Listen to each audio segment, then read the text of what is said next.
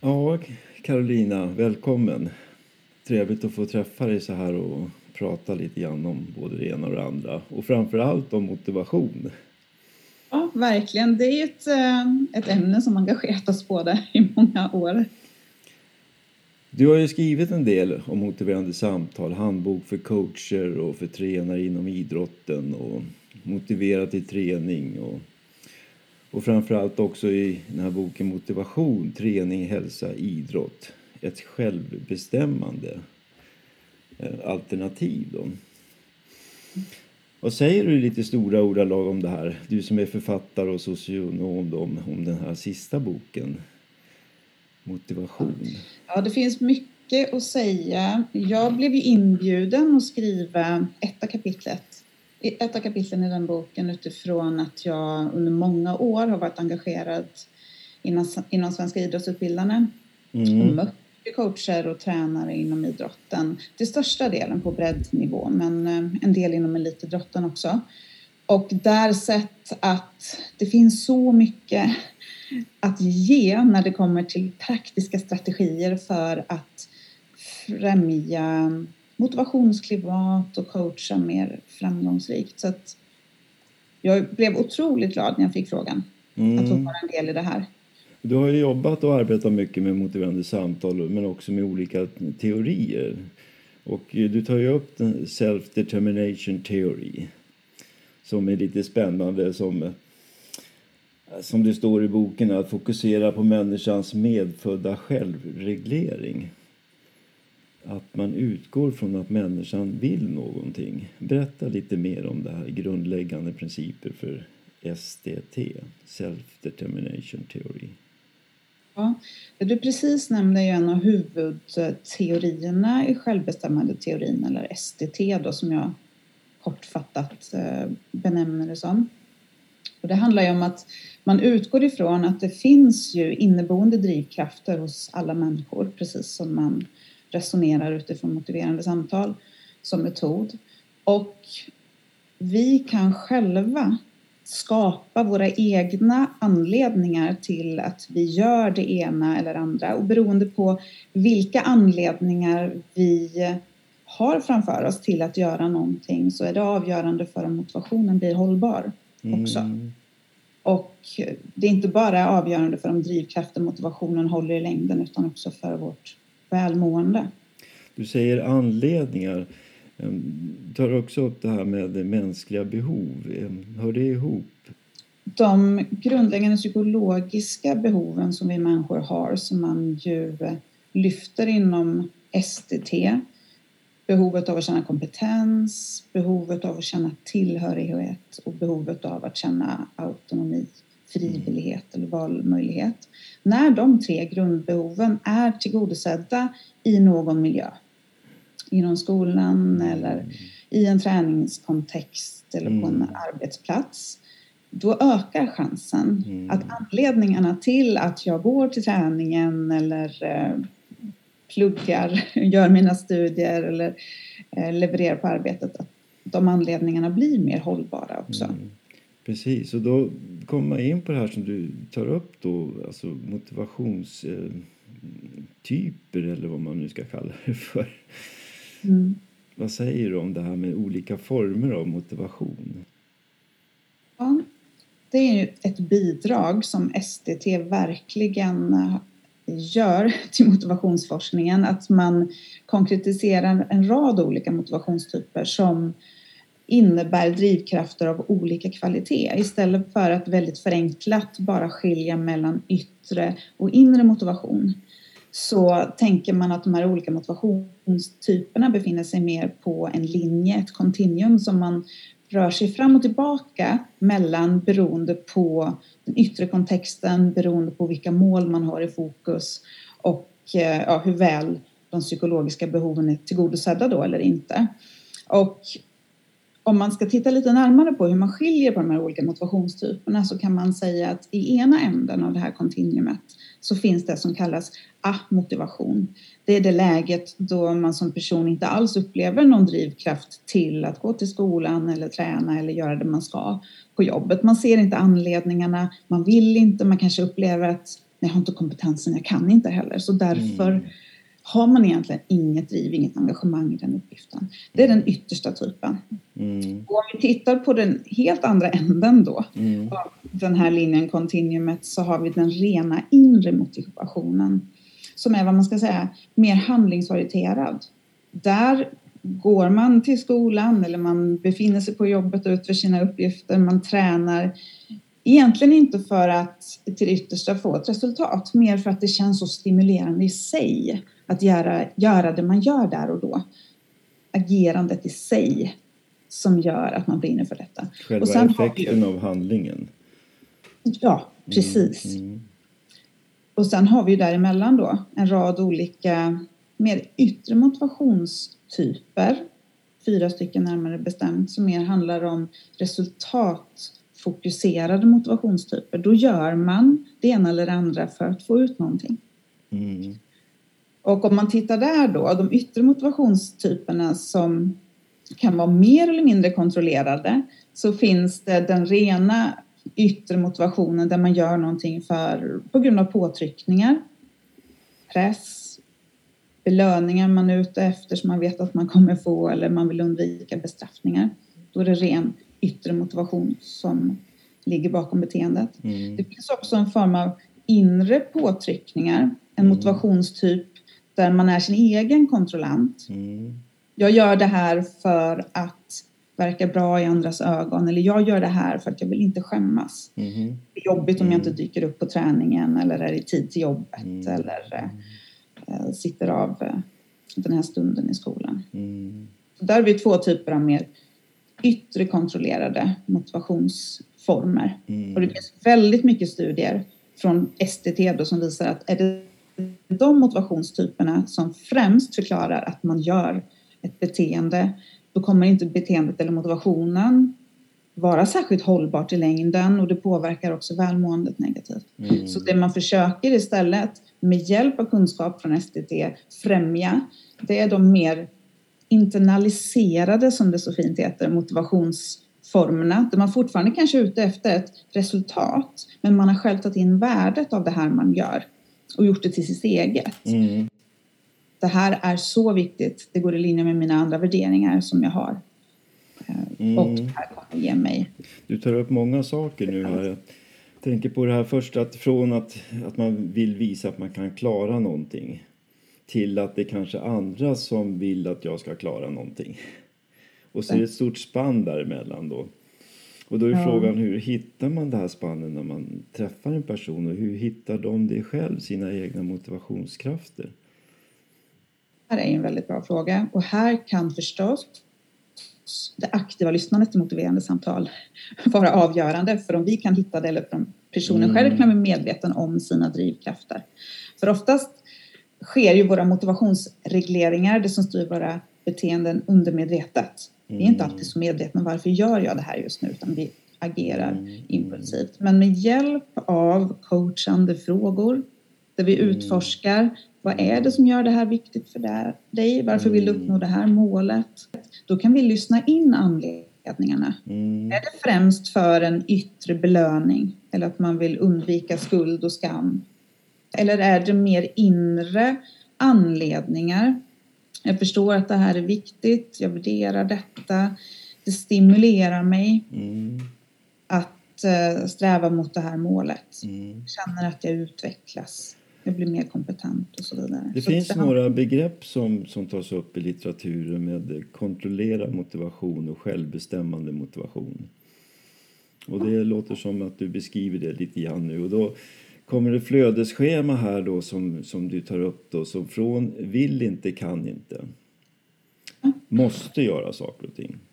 Ja. Jag borde göra saker och ting. Mm. Eller, ja, ja, men jag förstår det här är viktigt. Så. Mm. Och man, att man till slut kommer fram till vill, kan och att man blir stimulerad, får effekter av det man gör och känner, får känsla av att man klarar av saker och ting. Då. Ehm, berätta lite mer om det här flödesschemat. Hur, hur får man en, hjälper man en person att följa det här flödesschemat så man kommer fram till att det här är viktigt? Just det. Hur kan vi underlätta för att man går från jag måste till jag vill. Mm. Jag gör det självgående, mer självbestämt då. Här hänvisar jag till SDT-forskningen då.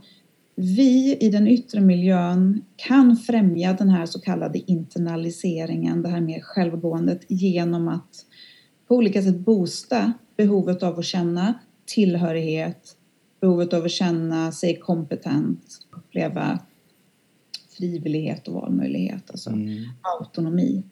Och det finns ju också olika praktiska färdigheter där om man är i rollen som coach eller lärare eller ledare, chef, tränare som man vinner på att medvetet ta till för att öka chansen att personen får upplevelsen av mm. att de här tre behoven faktiskt är tillgodosedda. Mm. Om man nu jobbar eh, som många gör med idrott och fysisk aktivitet i grupp då så har man ju väldigt många olika motivationsnivåer i gruppen. Hur man jobbar då för att liksom hjälpa alla på motivationsskalan. Ja, här eh, är ju förstås dialogen i en gruppkontext eh, lika viktig som dialogen på tu hand med idrottarna och utövarna. Mm. Eh, när jag möter tränare så brukar jag alltid såklart uppmuntra till vikten av att eh, ge tid på tu hand till barnen, ungdomarna eller idrottarna oavsett ålder då för att utforska vad är det som driver dig på kort sikt och på lång sikt. Mm. Och um, försöka locka fram om det är möjligt att hitta de här mer inifrån kommande argumenten att det är inte för att jag ska bli bäst enbart i förhållande till andra, alltså prestera bra som jag mm. tränar, utan det handlar om att nej, men jag, jag stimuleras av utveckling och mm. att utveckla min prestation i förhållande till vad jag gjort tidigare. Mm. Eh, men också i gruppsammanhang så är det ju viktigt att, att ställa frågan öppet ut i gruppen eller till laget. Vad driver oss i den här matchen eller under den här säsongen till exempel? Och låta de som redan har sina argument klara för sig komma till tals och uppmuntra, bekräfta dem. Mm. Fortsätta ställa följdfrågor. Vad mer kan vi ha för argument? Mm. Vad är mer är det som driver oss? Vad är det mm. mer vi vill få ut för att säkerställa att vi inte mm. enbart hamnar på resultatnivå när vi pratar om vad det är vi kämpar för och vad vi vill mm. uppnå. Vi vill vinna, vi vill bli bäst. Utan titta mer på de prestationsorienterade målen. Så utifrån din erfarenhet då så kan man tänka sig att om man jobbar med grupper i olika former så bör man också koppla det till både personliga och individuella samtal. Samtidigt som också gruppen naturligtvis kan samtala om det här i två och två eller par i små grupper om hur de ser på den här prestationen eller vad de nu ska utföra någonting då. Mm.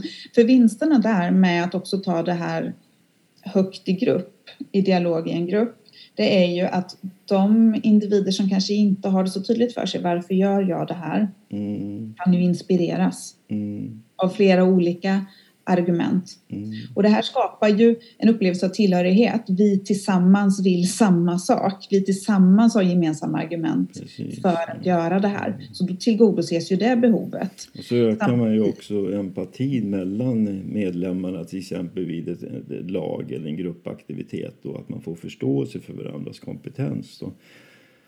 Också är en viktig Nej. sak i, i självbestämmande, att man har tilliten till att man klarar av saker som du nämner där. Ja, ja och det är också en, eh, en fråga i sig. Hur främjar vi kompetensupplevelsen hos eh, mm. personer i grupp? Oavsett om det är inom arbetslivet eller om det är mm. träningssammanhang eller inom idrotten då. Och eh, här på samma sätt vinner vi på att parallellt med att vi individuellt har dialog mm. individerna att, att i gruppsammanhang lyfta goda exempel, goda erfarenheter, kunskaper som finns i gruppen och sen utforska kompetensen, mm. resurserna som finns där. Vad, vad, kan vi göra mer av? Vad behöver vi göra, tänker ni, innan man som ledare eller chef mm. eller tränare tillför? Mm. Ja, det kräver lite tålamod, uthållighet och vänlighet. ja, om, om något. Ja. Verkligen. Och du, du skriver ju också och tar upp den här väldigt intressanta saken när man nu jämför och, och ska samordna till exempel motiverande samtal och självbestämmande. Så tar, du, tar ni upp då skillnaden mellan MI och SDT. Ehm, ja. Kan du avslutningsvis säga någonting om skillnader och likheter mellan SDT, eh, självbestämmande och motiverande samtal? Om vi börjar med likheter mellan eh, MI och SDT så är det ju förhållningssättet, hur man ser på människan. Där är det rakt av likheter, det här humanistiska förhållningssättet där man utgår från att det finns inneboende i varje människa drivkraft till en utveckling. Det förklarar att vi sitter här idag. Hade vi inte haft den inneboende drivkraften trots att vi möter motgångar så hade mm. människosläktet inte gått vidare. Eh, man utgår också från att det finns innerst inne ett behov och en vilja av att själv ta ansvar för sin situation och behov av att känna kontroll i situationen. Så det är ju två, vad ska man säga, väldigt personcentrerade synsätt som handlar om att utforska och klargöra personens egna drivkraft och resurser. Så det är en stor likhet. Inom mm. STD så tittar man mer på hur är kvaliteten på det som driver person, personen just nu? Om vi tittar närmare på de rena argumenten. Är det argument som håller i längden? Mm. Där jobbar man ju mer systematiskt om man har STT som grund då. Mm. Att man eh, egentligen inte tänker så mycket på hur mycket olika typer av förändringsprat hör vi utan det förändringsprat vi får. Mm. Är det mer kontrollerande argument. Jag gör det för att jag måste eller gör det mm. för att jobbet annars. Eller är det mer inre hållbara argument? Det här gör jag för att det känns viktigt och jag värderar detta. Det är viktigt att läsa bakom raderna vad personen egentligen säger då. Om det är för vem gör man det här så. Och sen Absolut. tar du upp också avslutningsvis med förändringsfokus här att eh, vid självbestämmande teorin att den sociala kontexten är väldigt viktig för att främja en förändringsposition. Då.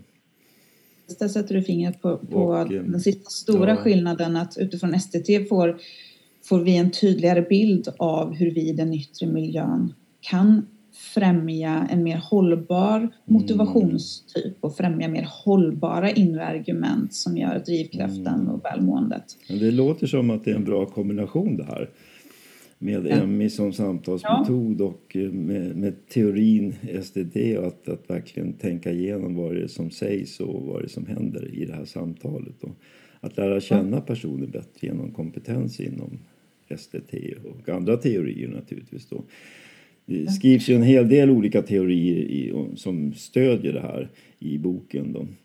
Eh, om man nu vill lära sig mer av det här nu, Karolina, hur, hur gör man då om man blir intresserad och vill för det finns ju några sätt eh, framåt då. Jag skulle ju eh, i första hand rekommendera att man läser in sig lite på självbestämmande teorin. Mm. mm. Och den här boken Motivation inom träning, hälsa och idrott som ju eh, inte bara beskriver självbestämmande teorin i en idrottskontext utan även eh, lyfter inom skolans värld, i en skolkontext, hur kan lärare jobba? Kopplingar görs också till chefer och ledare i organisationer titt som tätt. Här tycker jag att man får en väldigt bra överblick men det är ändå ett, eh, ett hanterbart språk med tanke på att det är forskare som har skrivit de allra, allra flesta mm. Eh, kapitlen där. Så att läsa in sig på ämnet till exempel jo. genom att titta på den boken och sen så får man såklart jättegärna kontakta mig också för mm. i alla mina utbildningssammanhang. Jag, jag utbildar ju främst i motiverande samtal. Mm. Men där väver jag ju in självbestämmande teorin också. Mm. Mm. Och när jag är ute i näringslivet och utbildar där har det blivit mer så att mina kurser utgår snarare från självbestämmande teorin och så är det motiverande samtal ett komplement till att förklara hur kan det här göra, mm. pra, göras praktiskt då. Så man får gärna kontakta mig också mm. om man är intresserad av att gå djupare i det här via mm. utbildning eller handledning. Mm, ja, det är en väldigt spännande kombination som du tar upp och som säkerligen många har, har stor glädje av och får stor glädje av. Att utveckla också kompetensen inom MI genom förståelsen för de olika grundläggande teorierna. Praktiska, konkreta mm. strategierna mm. som så tydligt kan stärka de här tre grundbehoven mm. och på så sätt främja Eh, en motivationsprocess som håller i längden. Ja, det gäller ju att vi som arbetar med motiverande samtal också förstår någorlunda vad personen har sin motivationskraft någonstans och när vi hjälper dem att hitta den. Då.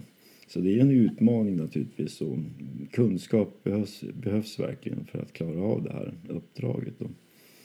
Men tack Carolina, är det någonting du vill tillägga nu innan vi avrundar här? Då?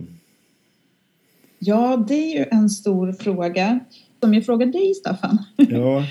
vad, vad, har du för pågående reflektioner kopplat till temat MI och STT jag tror? Så får vi se om jag lägger till något därifrån. Ja, min slutsats är väl lite grann att eh, vikten av att förstå kontexten bakom en persons eh, situation då.